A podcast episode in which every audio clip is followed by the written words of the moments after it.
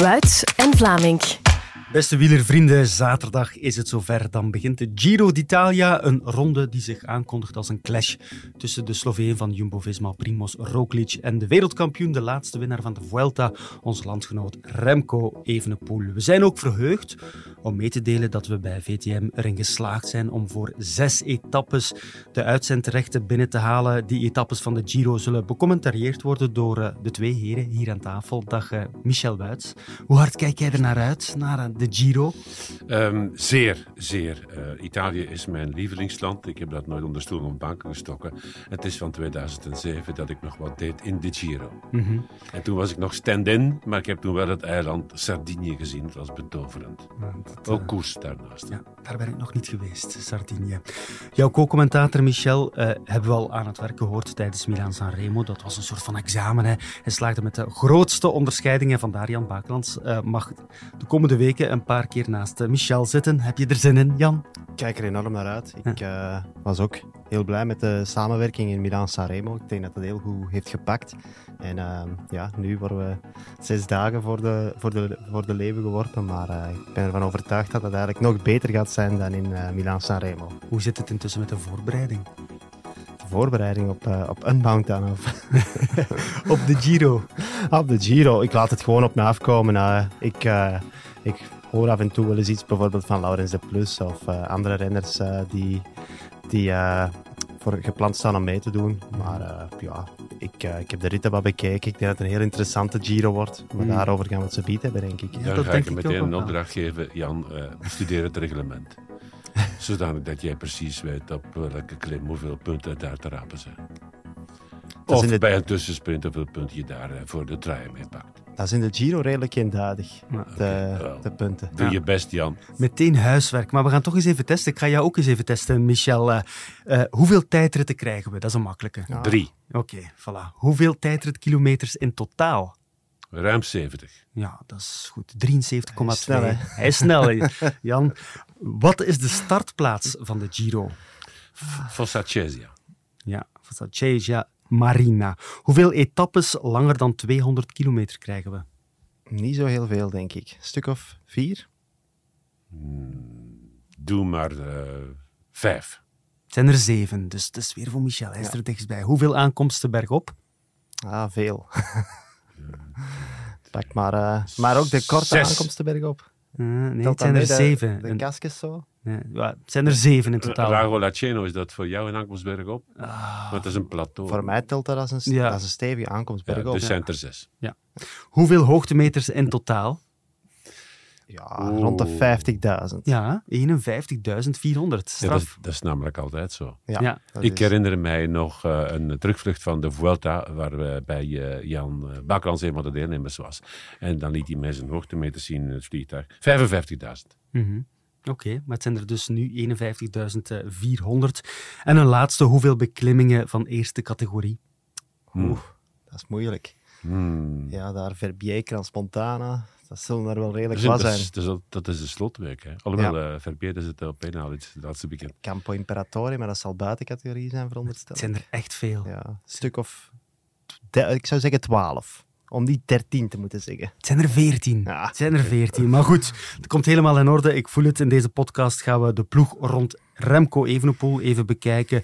De ploeg ook van zijn grootste tegenstander Primoz Roglic. En we zoomen ook wat dieper in op enkele potentieel cruciale etappes.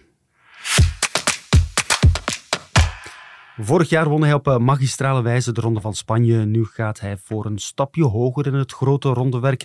Remco Evenepoel heeft in Luik, Bastenaken, Luik getoond dat het met de vorm toch wel meer dan oké zit.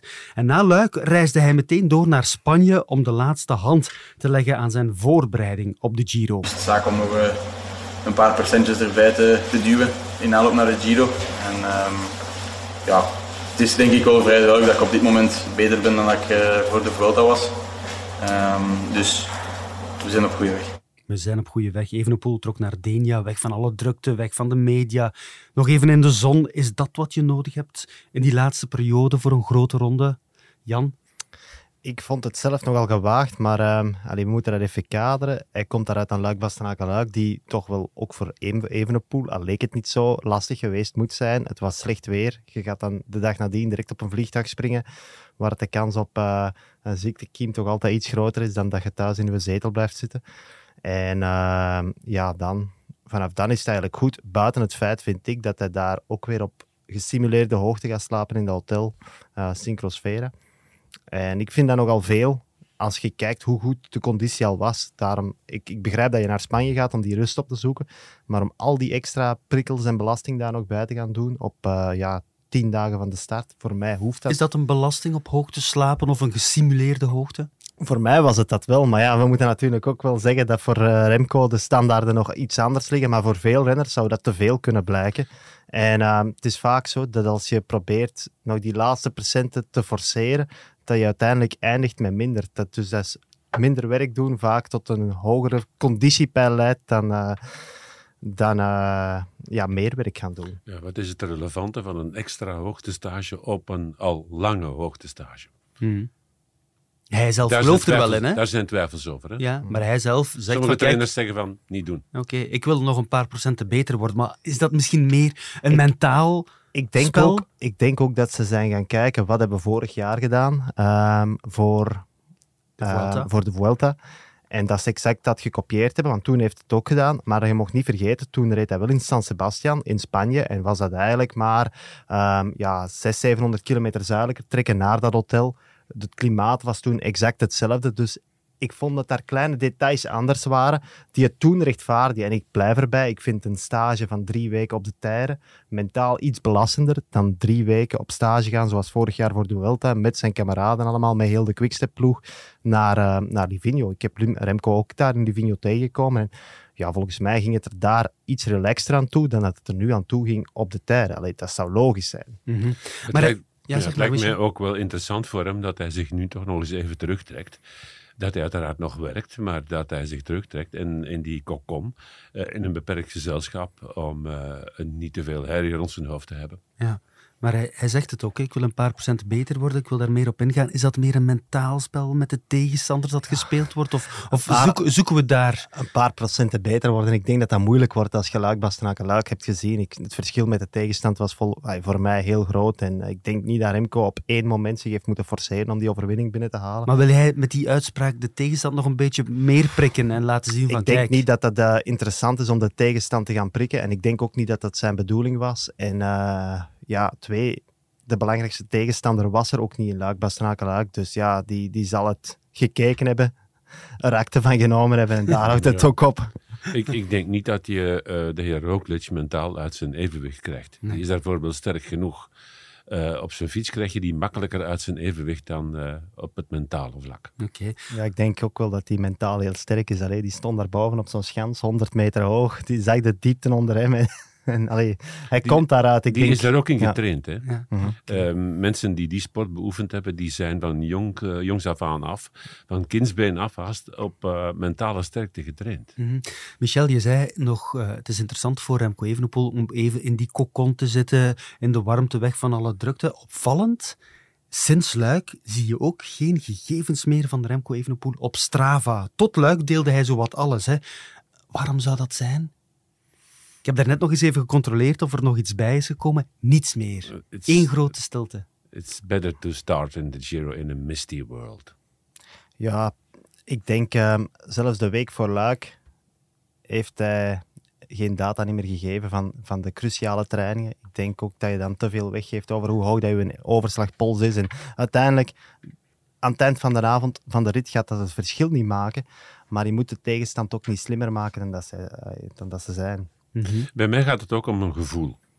En ik heb een heel prettig gevoel overgehouden aan zijn prestatie en ook aan de prestatie van zijn ploeg in de Ronde van Catalonië. Ondanks het feit dat hij daar niet won. Maar dat vond ik uh, in deze totaal bijkomstig.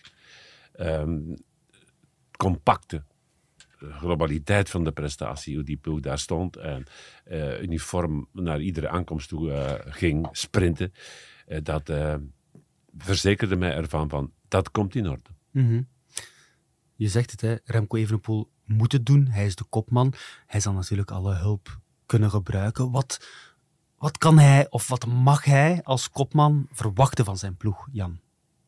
Ja, 100% commitment, denk ik. En uh, het is ergens makkelijk voor Evenepoel te werken, omdat hij ook zo sterk is dat hij al van vrij ver zijn eigen plan kan trekken of dat ze een eikpunt kunnen kiezen in de koers.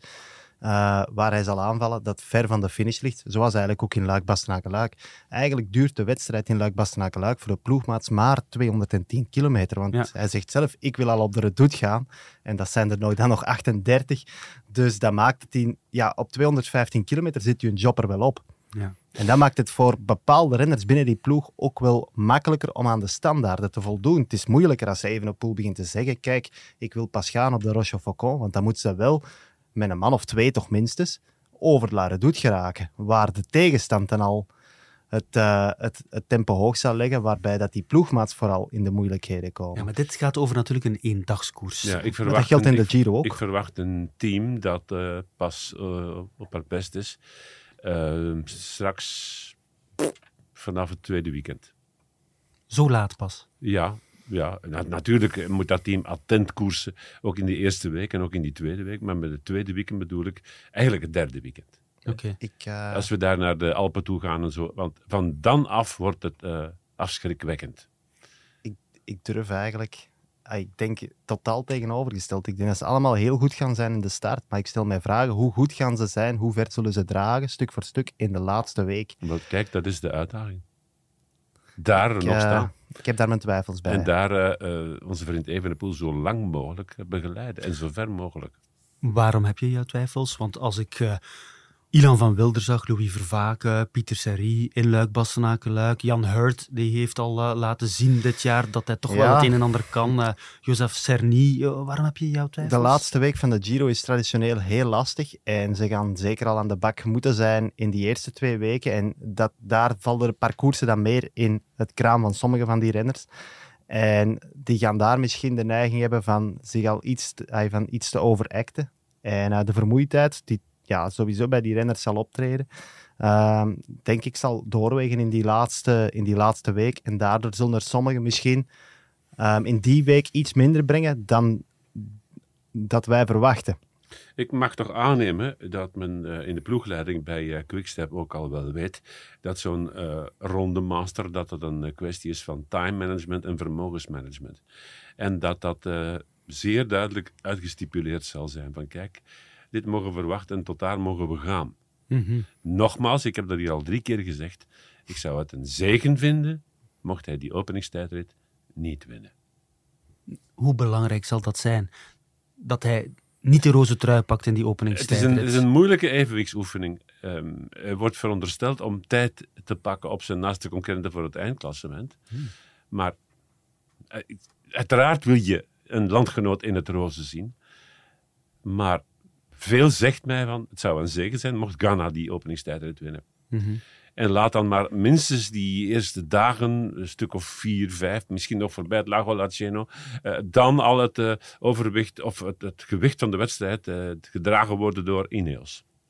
De koers niet dragen, dat is in het begin, dat zeg jij. Een, een goede kopman, een kandidaat eindwinnaar van de Giro, zorgt er ook voor dat zijn ploeg in de luwte kan blijven. Mhm. In theorie moet je er natuurlijk gewoon op het einde voor zorgen dat je uh, met het roze op het podium staat na drie weken. Maar kan je dat eens even zeggen? Je hebt, uh, je hebt ook eens de gele trui gedragen, Jan, in de Ronde van Frankrijk. Hoeveel energie kost het als truidrager om elke dag aan al die verplichtingen te voldoen? Dat, gaat, dat staat dan los van de koers dragen met jouw ploeg. Tja, voor mij was dat natuurlijk maar twee dagen, maar uh, toch, allee, dat zal wel wat energie kosten. Aan de andere kant brengt u ook veel bevestiging. En Hmm. Ik, zoals ik even een poel kan inschatten, houdt hij ook wel wat van extra aandacht. En ik denk dat dat in zijn geval zelfs niet noodzakelijk uh, negatief hoort te zijn. Het is ook aan de ploeg om uh, de transfer nadien te optimaliseren. En te maken dat een beetje van de verloren tijd aan het podium wordt gewonnen. Hmm. Door bijvoorbeeld sneller van uh, het podium naar het hotel te kunnen rijden dan de, dan de bus. Mm. Dus ik zou dat niet overschatten. Onderschat de fierheid uh, dat uh, gevoel van uh, overheersing van al die mannetjes in zo'n ploeg ook niet. Chris Peers zei me ooit eens, toen hij voor Koffiedis reed, maar in die tour aan mijn zijde zat als co-commentator. En ik denk dat Koffiedis toen in die tour geel nam. Onderschat nu niet wat door die jongens heen gaat. Uh, dat innerlijke gevoel van wij zijn nu toch wel even superieur, ook al is het maar voor een, een dag of drie, vier, dat je daar vooraan kunt zitten en dat je in beeld rijdt. Ja. Maar is het net daarom niet... Daar schuilt een gevaar in, volgens mij. Vrij, ja, er schuilt een gevaar in, maar, zou het dan niet logisch zijn dat hij toch voor die roze trui gaat natuurlijk, in het begin? Natuurlijk, hij moet dat doen en hij zal dat ook doen, want kijk, eigenlijk verandert de koers voor Quickstep niet of Remco nu roze heeft of niet. Van de ploeg van Remco wordt verwacht, dat is een ploeg voor het klassement eigenlijk, we spreken maar van een duel, Roglic-Evenepoel. Die twee renners, die twee ploegen moeten altijd vooraan rijden. Dat wil zeggen dat er altijd een knecht in de wind moet rijden. Dat is gewoon wat er moet gebeuren. Dus daar rijden beter in de wind met als zesde of zevende in de trein de roze trui, dan dat je in de wind rijdt zonder roze trui. Allee, het, het verschilt niet. Maar je zet er wel eentje in de wind.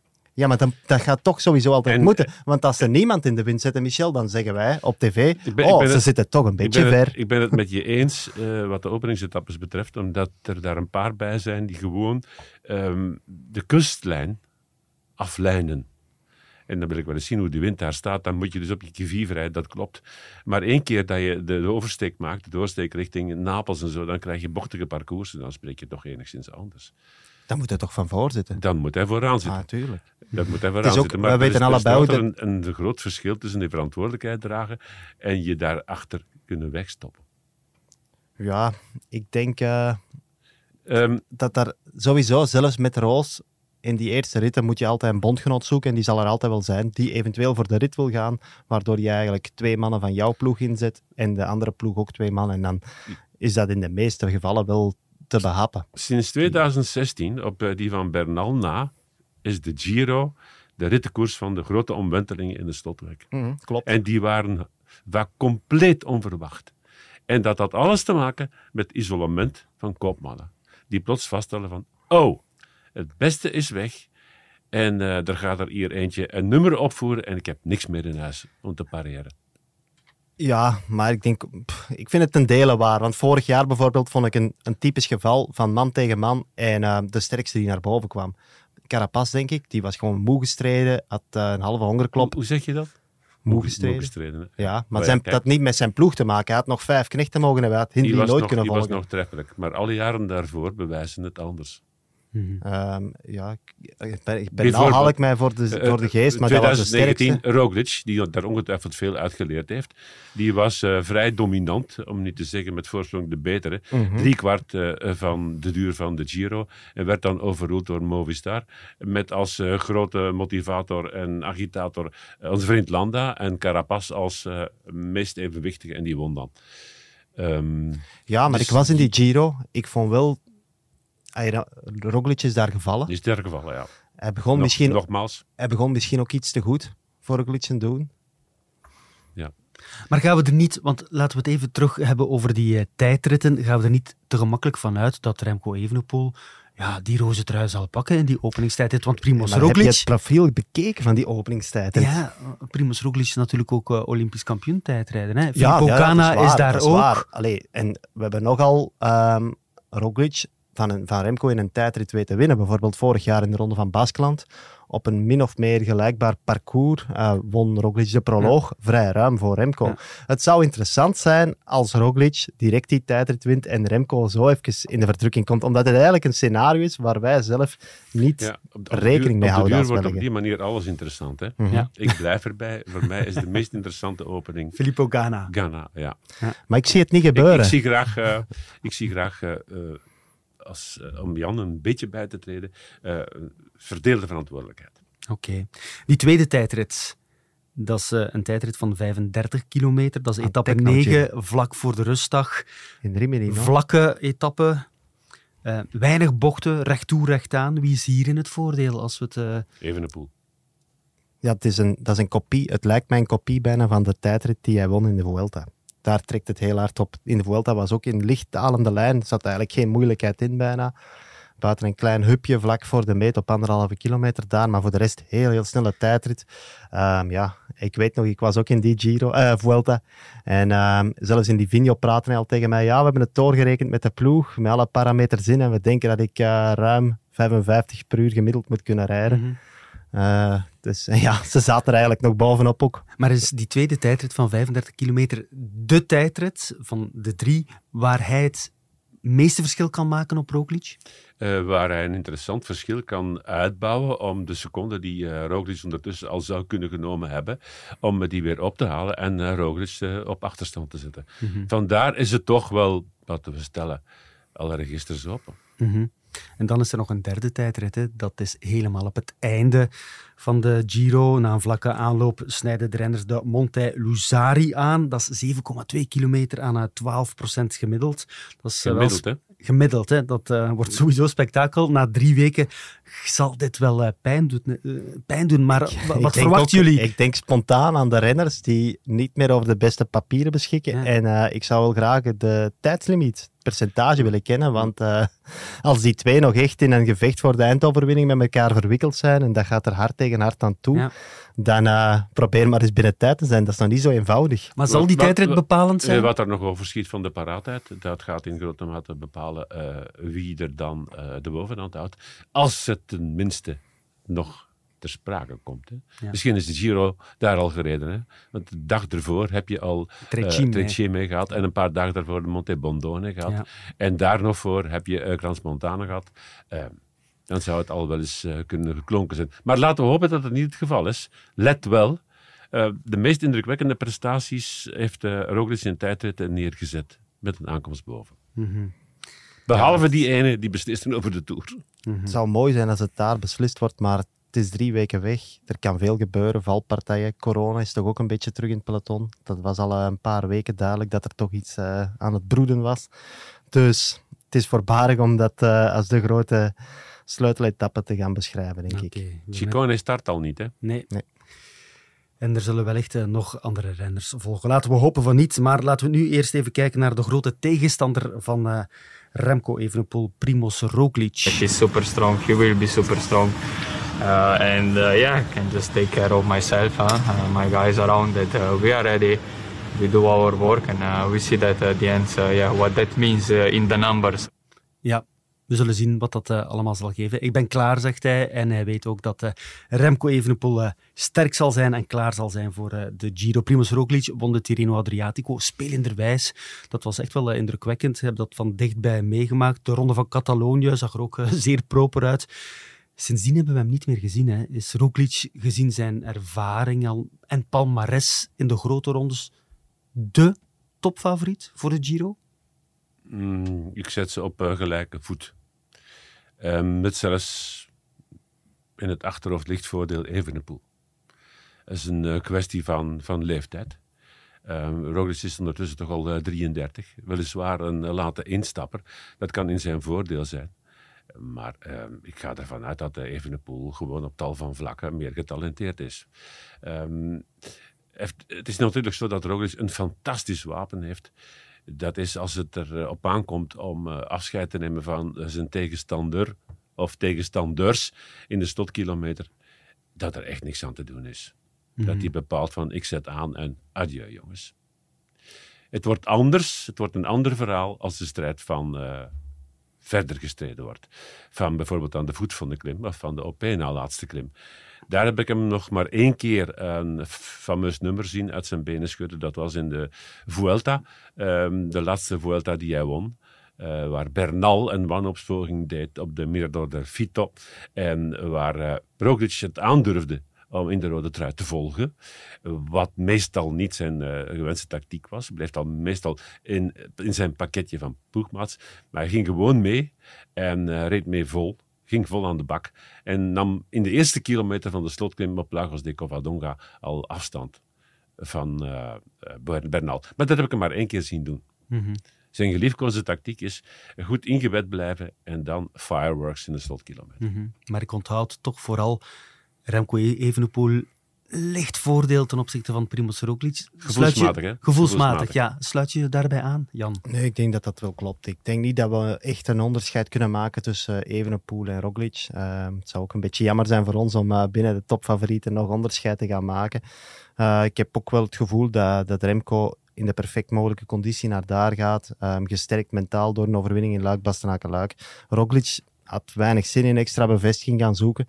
Um, in een Luik Bastenaken-Luik of een Ronde van Romandie. Dus die komt misschien met iets meer vraagtekens aan de start. Ik denk uh, dat hij inderdaad wat ouder is, daardoor de ervaring heeft om dat ook te kunnen, te kunnen kaderen, weet wat hij heeft moeten doen. Um, binnen de ploeg ook dagelijks alle parameters van elke training binnenste buiten keert, waardoor ze wil weten hij is klaar. En ik denk uh, de eerste tijdrit zal wat dat betreft, uh, je moet klaar zijn van dag één, veel vraagtekens uh, opruimen. Ik hoop dat verschil, als het er al is, heel klein is. Er zijn opvallende parallellen, hè? allebei uit een totaal andere sport. Mm laten instappers. Het eerste wat men bij uh, die uh, jonge kerels ontdekt is hun vermogen als hardrijders. Zijn in de eerste plaats tijdrijders. En de rest is ontwikkeling. van, van, van, van klimvermogen, dan vooral op, op, op kracht. Mm -hmm. het grote verschil in de twee zit hem in karakter. Roglic is eerder introvert, lijkt toch naar de buitenwereld, want naar het schijnt is hij wel een lolbroek in de schoot van de ploeg. En is hij daardoor geliefd bij uh, Jumbo-Visma. Uh, terwijl uh, ja, Remco Evenepoel is extravert. Hè? Mm -hmm.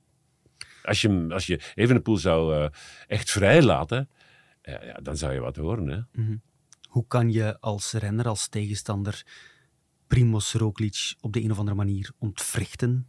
Als je Remco Evenepoel bent, hoe, hoe stap je in die wedstrijd? Want je weet, jouw grootste tegenstander is Primoz Roglic.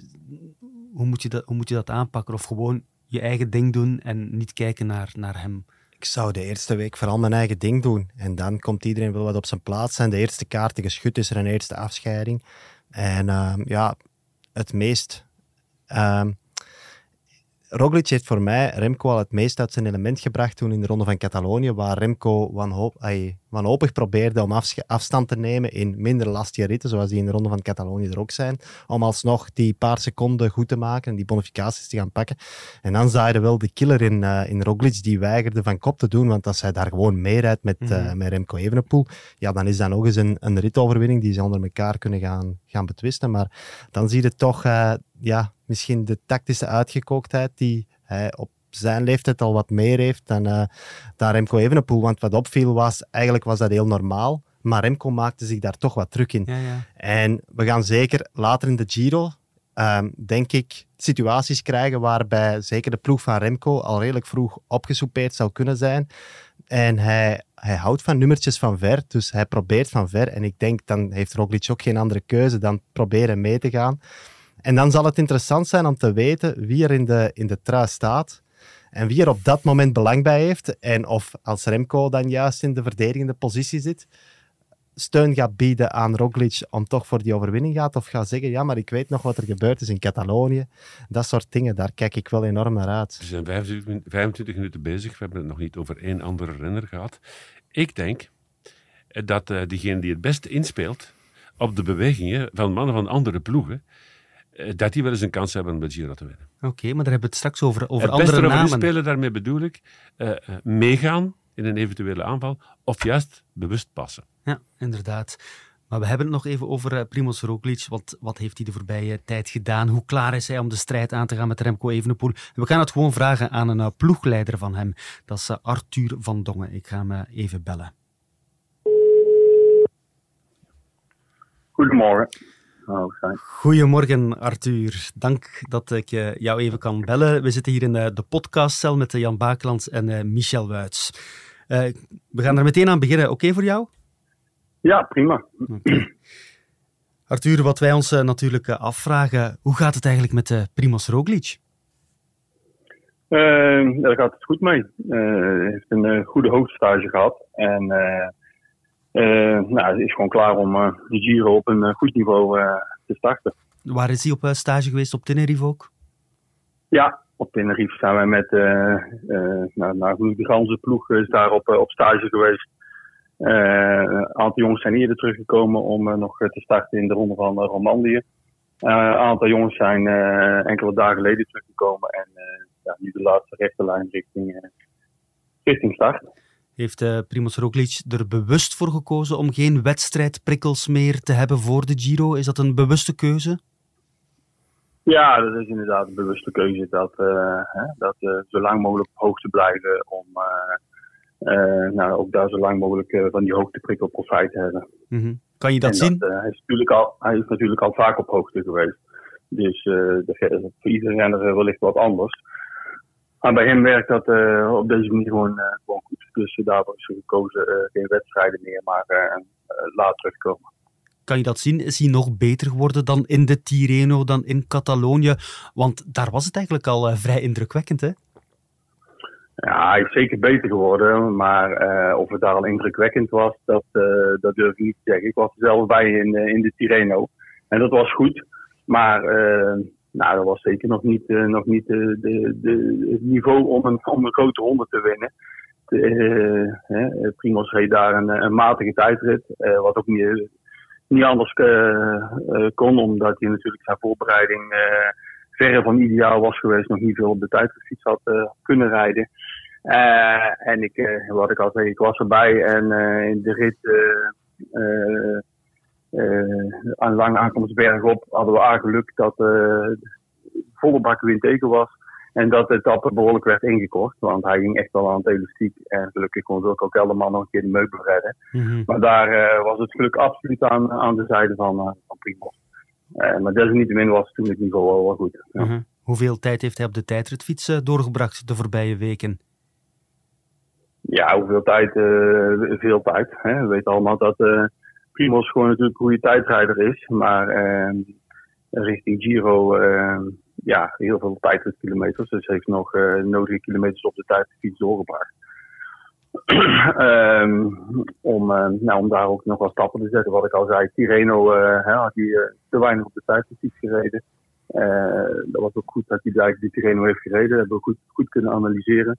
En van daaruit proberen we stappen te zetten. Mm hebben jullie eh, werk met hem gehad, mentaal dan? Want ja, de voorbije rondes, grote rondes die hij gereden heeft, ja, waren niet echt aangenaam. Hè? De Vuelta eruit gevallen, de Tour ook uh, zwaar gevallen. Kruipt dat in zijn hoofd of kan hij dat toch wel uh, ja, vlug achter zich laten?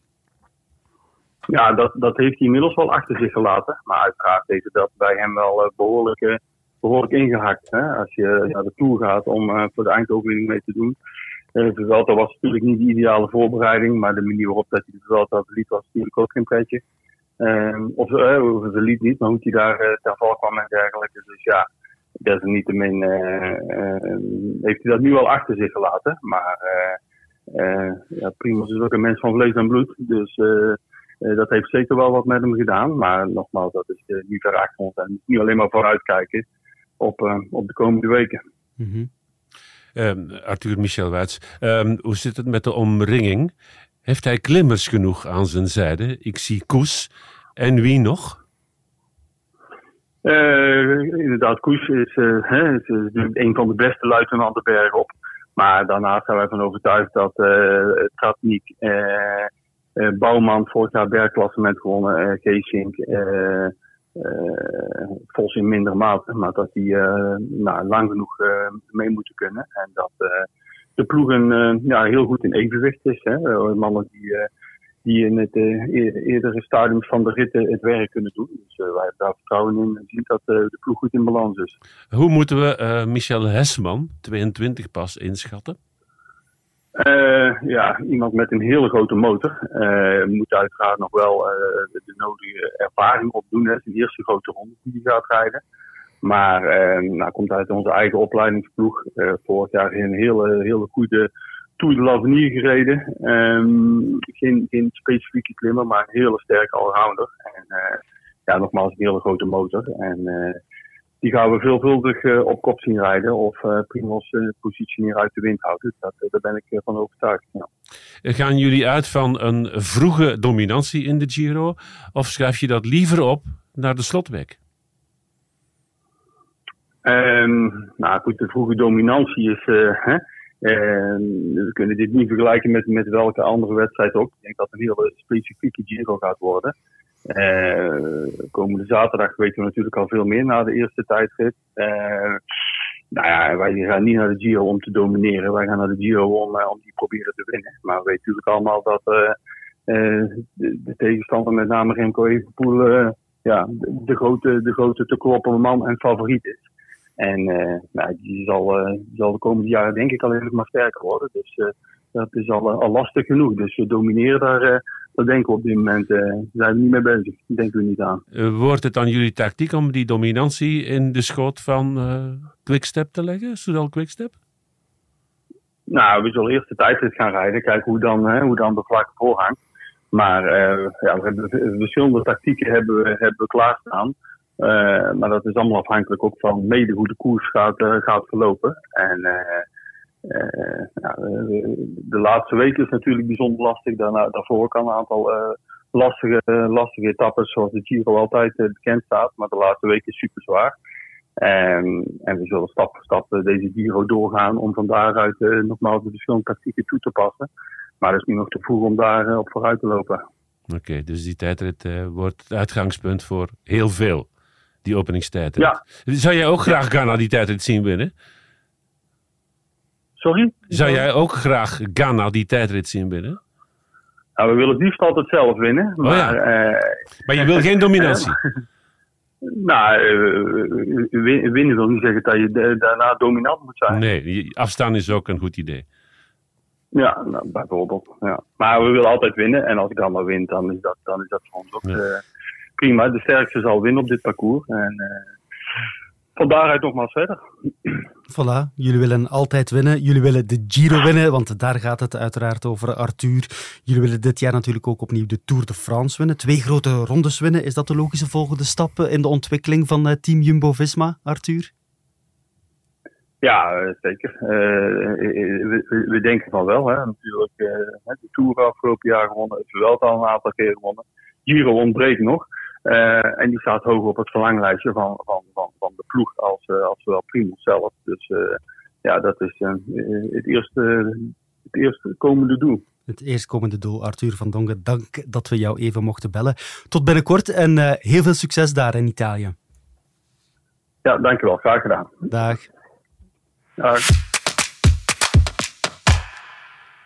Jan en Michel, laten we even aan eh, name-dropping doen. Renners die ook wel uh, klassementsambities mogen koesteren.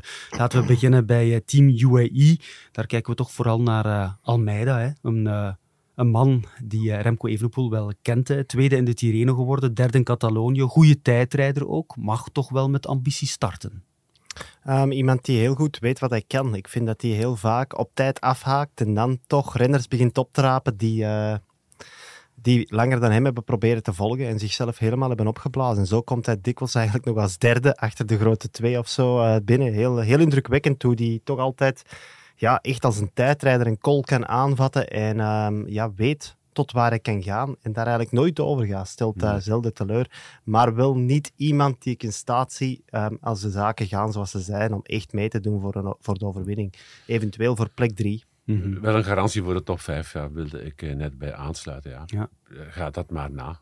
Komt daar altijd ergens terecht. Ook uh, bij momenten uh, waarop je zegt van, mm, nu is het finaal gedaan met hem, dan mhm. herrijst hij. Ja. Het is um, heel jammer, maar oké, ik weet dat dat ook een financiële kwestie is en een, en een renner die niet graag in de schaduw staat, maar is eigenlijk het perfecte profiel om in te passen in een klimtrein. En dus de logische stap had geweest als Patrick hem had kunnen houden. Um, maar financieel was daar echt geen beginnen aan. Dit is echt wel de renner die je wilt als ondersteuning, net omdat hij zo'n meester is in het pacen van die inspanning. Um, en een ritme te rijden dat voor veel renners al te snel is. Mm -hmm. En vooral omdat je, je zit met een soort berekende er is een zekerheid. Hij kan altijd hij, hij, hij, brengt altijd wat hij moet brengen op zijn slotcall. Dus je weet, die gaat nooit teleurstellen. Hij kan heel die slotcall dragen. Als de kopman wat minder is, heb je toch een eikpunt waar hij zijn wagonnetje aan kan vasthangen. En anderzijds kan hij lang genoeg op kop rijden om de kopman te brengen tot op die drie kilometer van de top. Um, om zelf toe te gaan slaan. Dus maar anderzijds begrijp ik wel ten volle dat uh, Almeida wil aftasten van hoe ver geraak ik zelf. Absoluut. Als koopman. Mm Daar heeft hij wel recht op. Absoluut. Dat snap ik ook wel. Iemand die ook uh, heel vaak genoemd wordt als het over klassementen gaat, de grote rondes, is uh, Alexander Vlasov. Dit jaar, de renner van Bora, ja, nog geen echte indruk gemaakt. Wat uh, nee. mogen we van hem verwachten? Niet goed eigenlijk, tot nu toe. Ehm, in het verleden toch altijd goed voor podia op die rondes van een week. Um, ook een keer podium gereden in Luik, Bastenaken, Luik, denk ik zelf. Of, allee, En eh, eigenlijk nergens echt op de afspraak. Maar ja, bij Vlasov kan dat ook uh, nog keren. En als de piek de ronde van Italië is, moeten we ook niet verwachten dat iedereen, zoals Remco Evenepoel, even een statement komt maken in die voorbereidingswedstrijd. Allee, Luik Bastenaken Luik is voor alle duidelijkheid absoluut geen voorbereidingswedstrijd. Maar het was ook gewoon een doel voor Remco. Uh, met alle, hij logisch ook, als wereldkampioen en als uitredend winnaar wil je gewoon goed zijn in die enige Belgische wedstrijd die je gaat rijden. Maar het is niet omdat uh, Vlasov daar nog niet echt op de afspraak is, dat hij straks in Italië niet uh, kan uitblinken. Allee, iedereen begint terug met de teller op nul. Hij is vrij consistent, maar er is altijd die ene slappe dag. Mm. als ik zie wie daar nog bij zit, enfin, het is uh, altijd een beetje uh, relatief, want we weten nog niet precies hoe de samenstelling is. Conrad zou er ook bij zijn. Dat vind ik een hele aantrekkelijke renner, als vrijbuiter dan wel. En Kemna heeft dat ook wel in zich. Van de Kemna van een jaar of drie geleden zou je gezegd hebben, dat is uh, het, het, volgende grote ding. Hmm. Ben ik ondertussen al iets of wat van teruggekomen. Het is ook iemand die eerder meegaat in lange ontsnappingen en dan toeslaat. Ja. Dus ik zie die zeker in aanmerking komen voor etappenwinst. Is dat dan de ideale manier om uh, Vlasov wat uit de wind te zetten, figuurlijk, om gestaag zijn weg te zoeken in het klassement? Dat ik denk dat dat vrij snel gaat blijken. Ja, momenteel, momenteel wel, want laat ons wel wezen, voor een ploeg als Bora is het eigenlijk een heel mager jaar geweest. Dus het moet nu wel stilletjes aan gaan gebeuren. En als zo'n Kemna dan een rit kan winnen. En ik, ik vind ook het profiel van de ideale vrijbuiter om, als hij dan toch wordt weggegeven, en het roze te pakken was er vorig jaar al heel kort bij. Dat is wat, ehm, wat de Giro zo aantrekkelijk maakt. Ja. Hè? En dat heb je veel minder in de ronde van uh, Frankrijk, ook iets minder in de ronde van Spanje. Maar in de Giro heb je wel altijd een paar dagen waarin de boel omslaat. Mm -hmm. Ik heb nou trouwens vorig jaar in de Tour de France ook wel uh, sterke en bepaalde Absoluut. etappes. Kemna uh, is eigenlijk een renner bij uitstek die um, door het roze, stel nu, het roze te pakken in een, in, een, in een vlucht die veel ruimte krijgt, omdat het de ideale man is om die trui aan, aan te geven, die dan in de lute van, die, van de grote twee eigenlijk alsnog zo in de running kan komen voor plek drie van het klassement. Hmm. Kemna met bonus is, begint. is uh, van natuur uit een uitmuntend tijdrijder. Uh, komt veel beter dan de doorsnee en zelfs onmiddellijk onder de top over de bergen heen. Dus ga ik ervan uit dat hij iets of wat mentaal te slap is om een echte grote ronde te winnen. Hmm. Ja, dat... de, de kwaliteiten zijn er. En toch komt het er niet uit. Of de kwaliteit er is, dat weet ik niet. Je moet zoveel uh, wat per kilo kunnen halen tegenwoordig om echt mee te doen voor die grote rondes. Uh, ik denk dat top 5 rijden, ja, misschien dan vierde, vijfde ooit, wel eens moet kunnen in een minder goed bezette grote ronde. Maar ik zie er geen grote ronde winnaar in. Is. Maar hij heeft veel andere kwaliteiten. Heeft het wel in zijn stijl om uh, zichzelf voorbij te rijden. Met andere woorden, om niet 100% van zichzelf te vergen, maar 110. Mm -hmm. Als Kemna wint, dan is hij volledig destroyed als hij over de streep komt. Een sterke ploeg in de breedte is toch ook eh, de ploeg van eh, Ineos. Tijmen Arendsman, jonge Nederlander, Gegenhardt, ex-winnaar van de Giro, Geraint Thomas. Dat zijn toch al wat namen hè, bij die uh, Ineos-ploeg.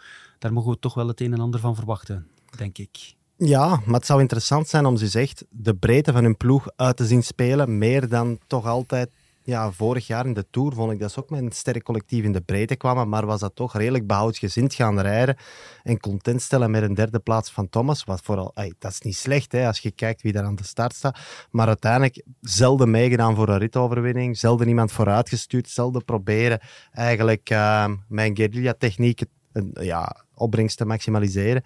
Dus uh, ik, ik vind dat zij nog vaak rijden in de stijl van we hebben de grote kopman om straks het klassement naar ons toe te trekken, maar die is er eigenlijk niet meer.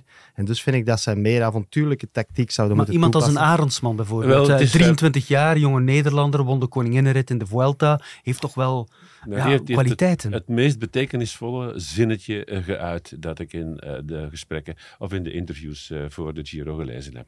Van, eindelijk is een Ineos-ploeg met met, met een tandem met de verschillende koopmannen. En daar pas ik dan uitstekend in, in zo'n systeem. Hmm. Dus ik ga ervan uit dat ze zo gaan koersen. Ook om, uh, zij zullen wel weten intern hoe het met Thomas gesteld is, maar weten, wij weten dat niet op grond van zijn uitslagen.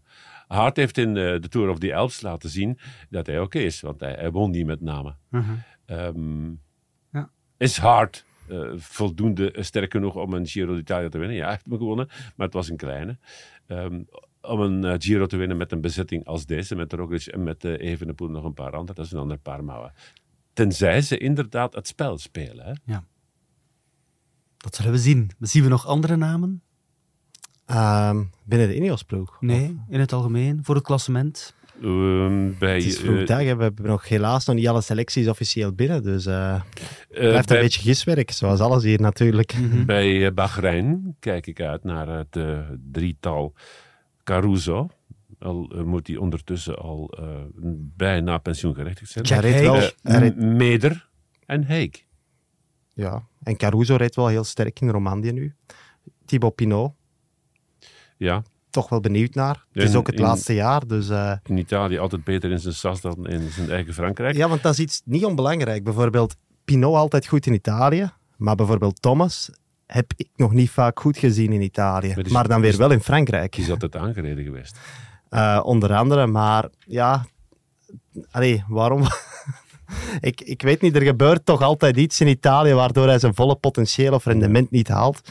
En in, ja, tekenend vind ik dan bijvoorbeeld hoe dat nu in de Tour of the Alps ging. Het was nog niet echt om over naar huis te schrijven. Het was zeker niet slecht, maar toch ook nog niet briljant.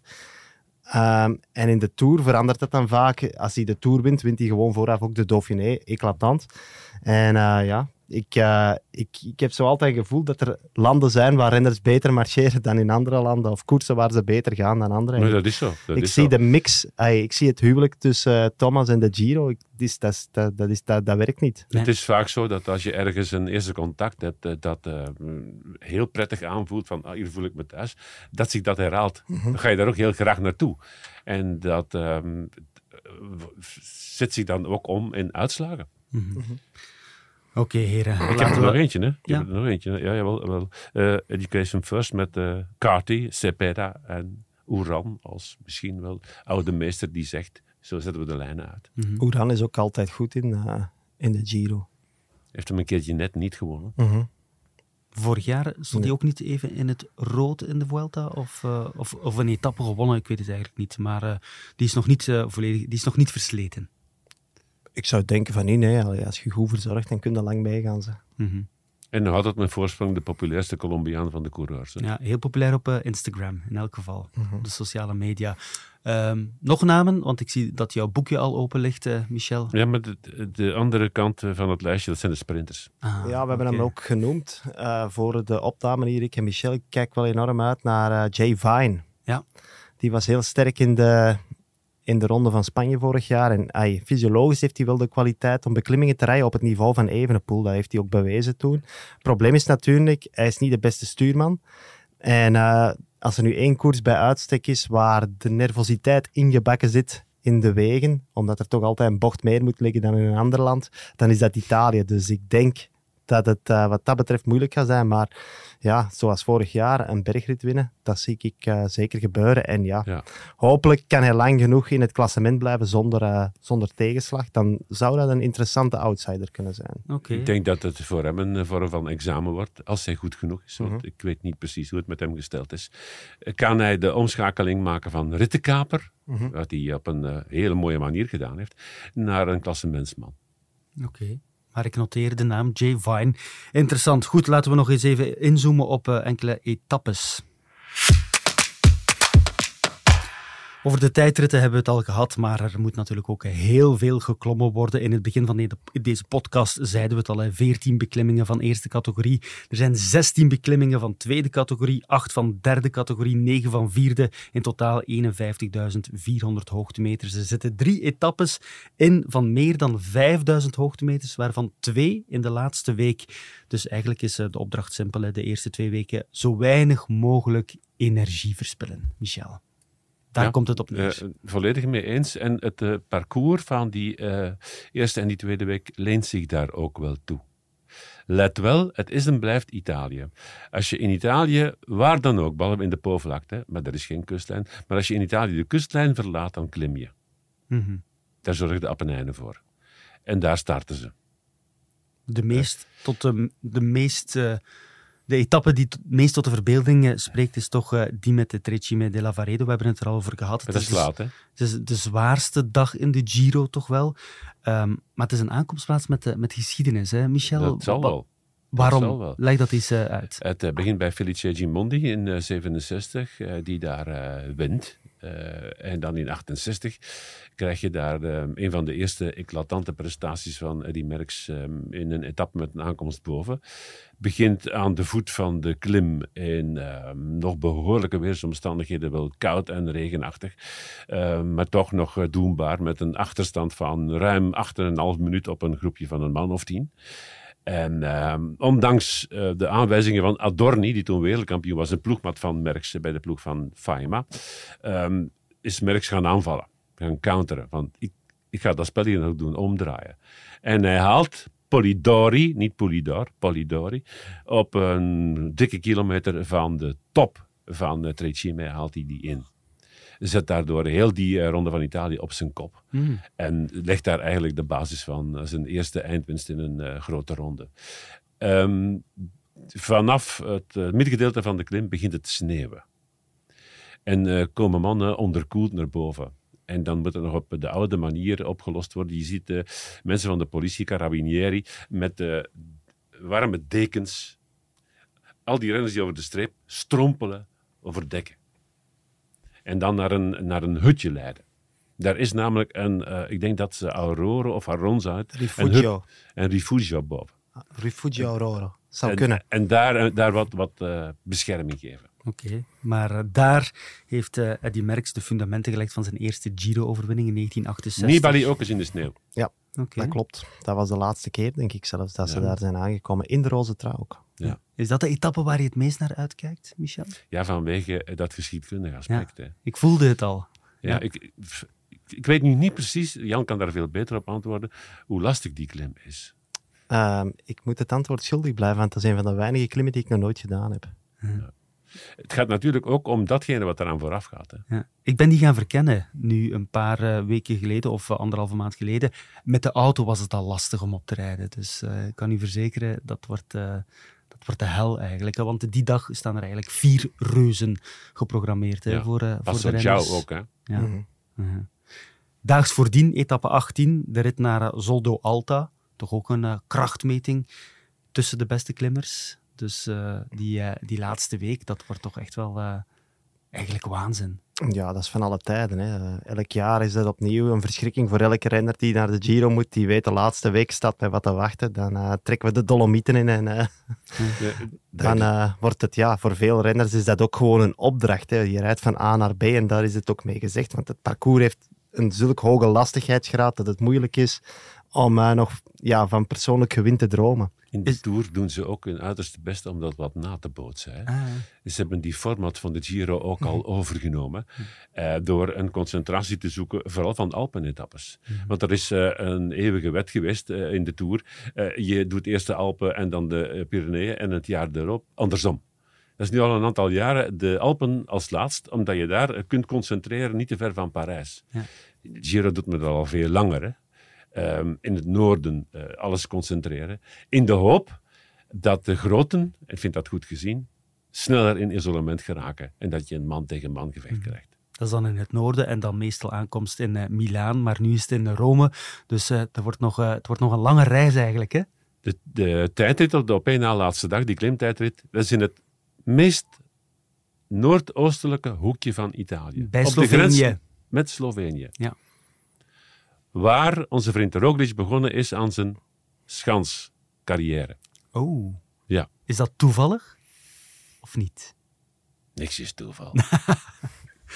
Oké, nog een laatste vraag. Waar kan Remco Evenepoel, want ja, daar, daardoor kijken we toch heel hard uit naar de Giro, waar kan hij echt het verschil gaan maken? Want we hebben bijvoorbeeld ook etappes die uh, ja, getypeerd zijn als een mini-ronde van Lombardije. Zijn dat etappes die hij moet uh, aanstippen? Of uh, hoe gaat dat, Jan? Iedere renner zou tekenen om het talent te hebben van Remco Evenepoel. En dat maakt dat het een extreme luxe situatie is. Remco kan het verschil overal maken. Hij kan wachten tot de laatste week. Hij kan toeslaan in de tijdritten of hij kan op de verrassing spelen. Ik denk maar aan een klim zoals Lago Sulmona, die, ja, laat ons wel wezen, op dag drie, een beetje veel te vroeg, ik weet dat wel, maar die ook niet gemakkelijk is. En de Giro, dat is nu echt een koers bij uitstek, waar zelfs een gemakkelijke sprintrit er altijd nog wel een klein hupje ligt op 10 kilometer van de finish, waar dan toch met vermoeidheid in de tweede week eventueel een verschil kan gemaakt worden. Mm. En er ja, 20, 30 seconden kunnen genomen worden, juist omdat je op de verrassing speelt.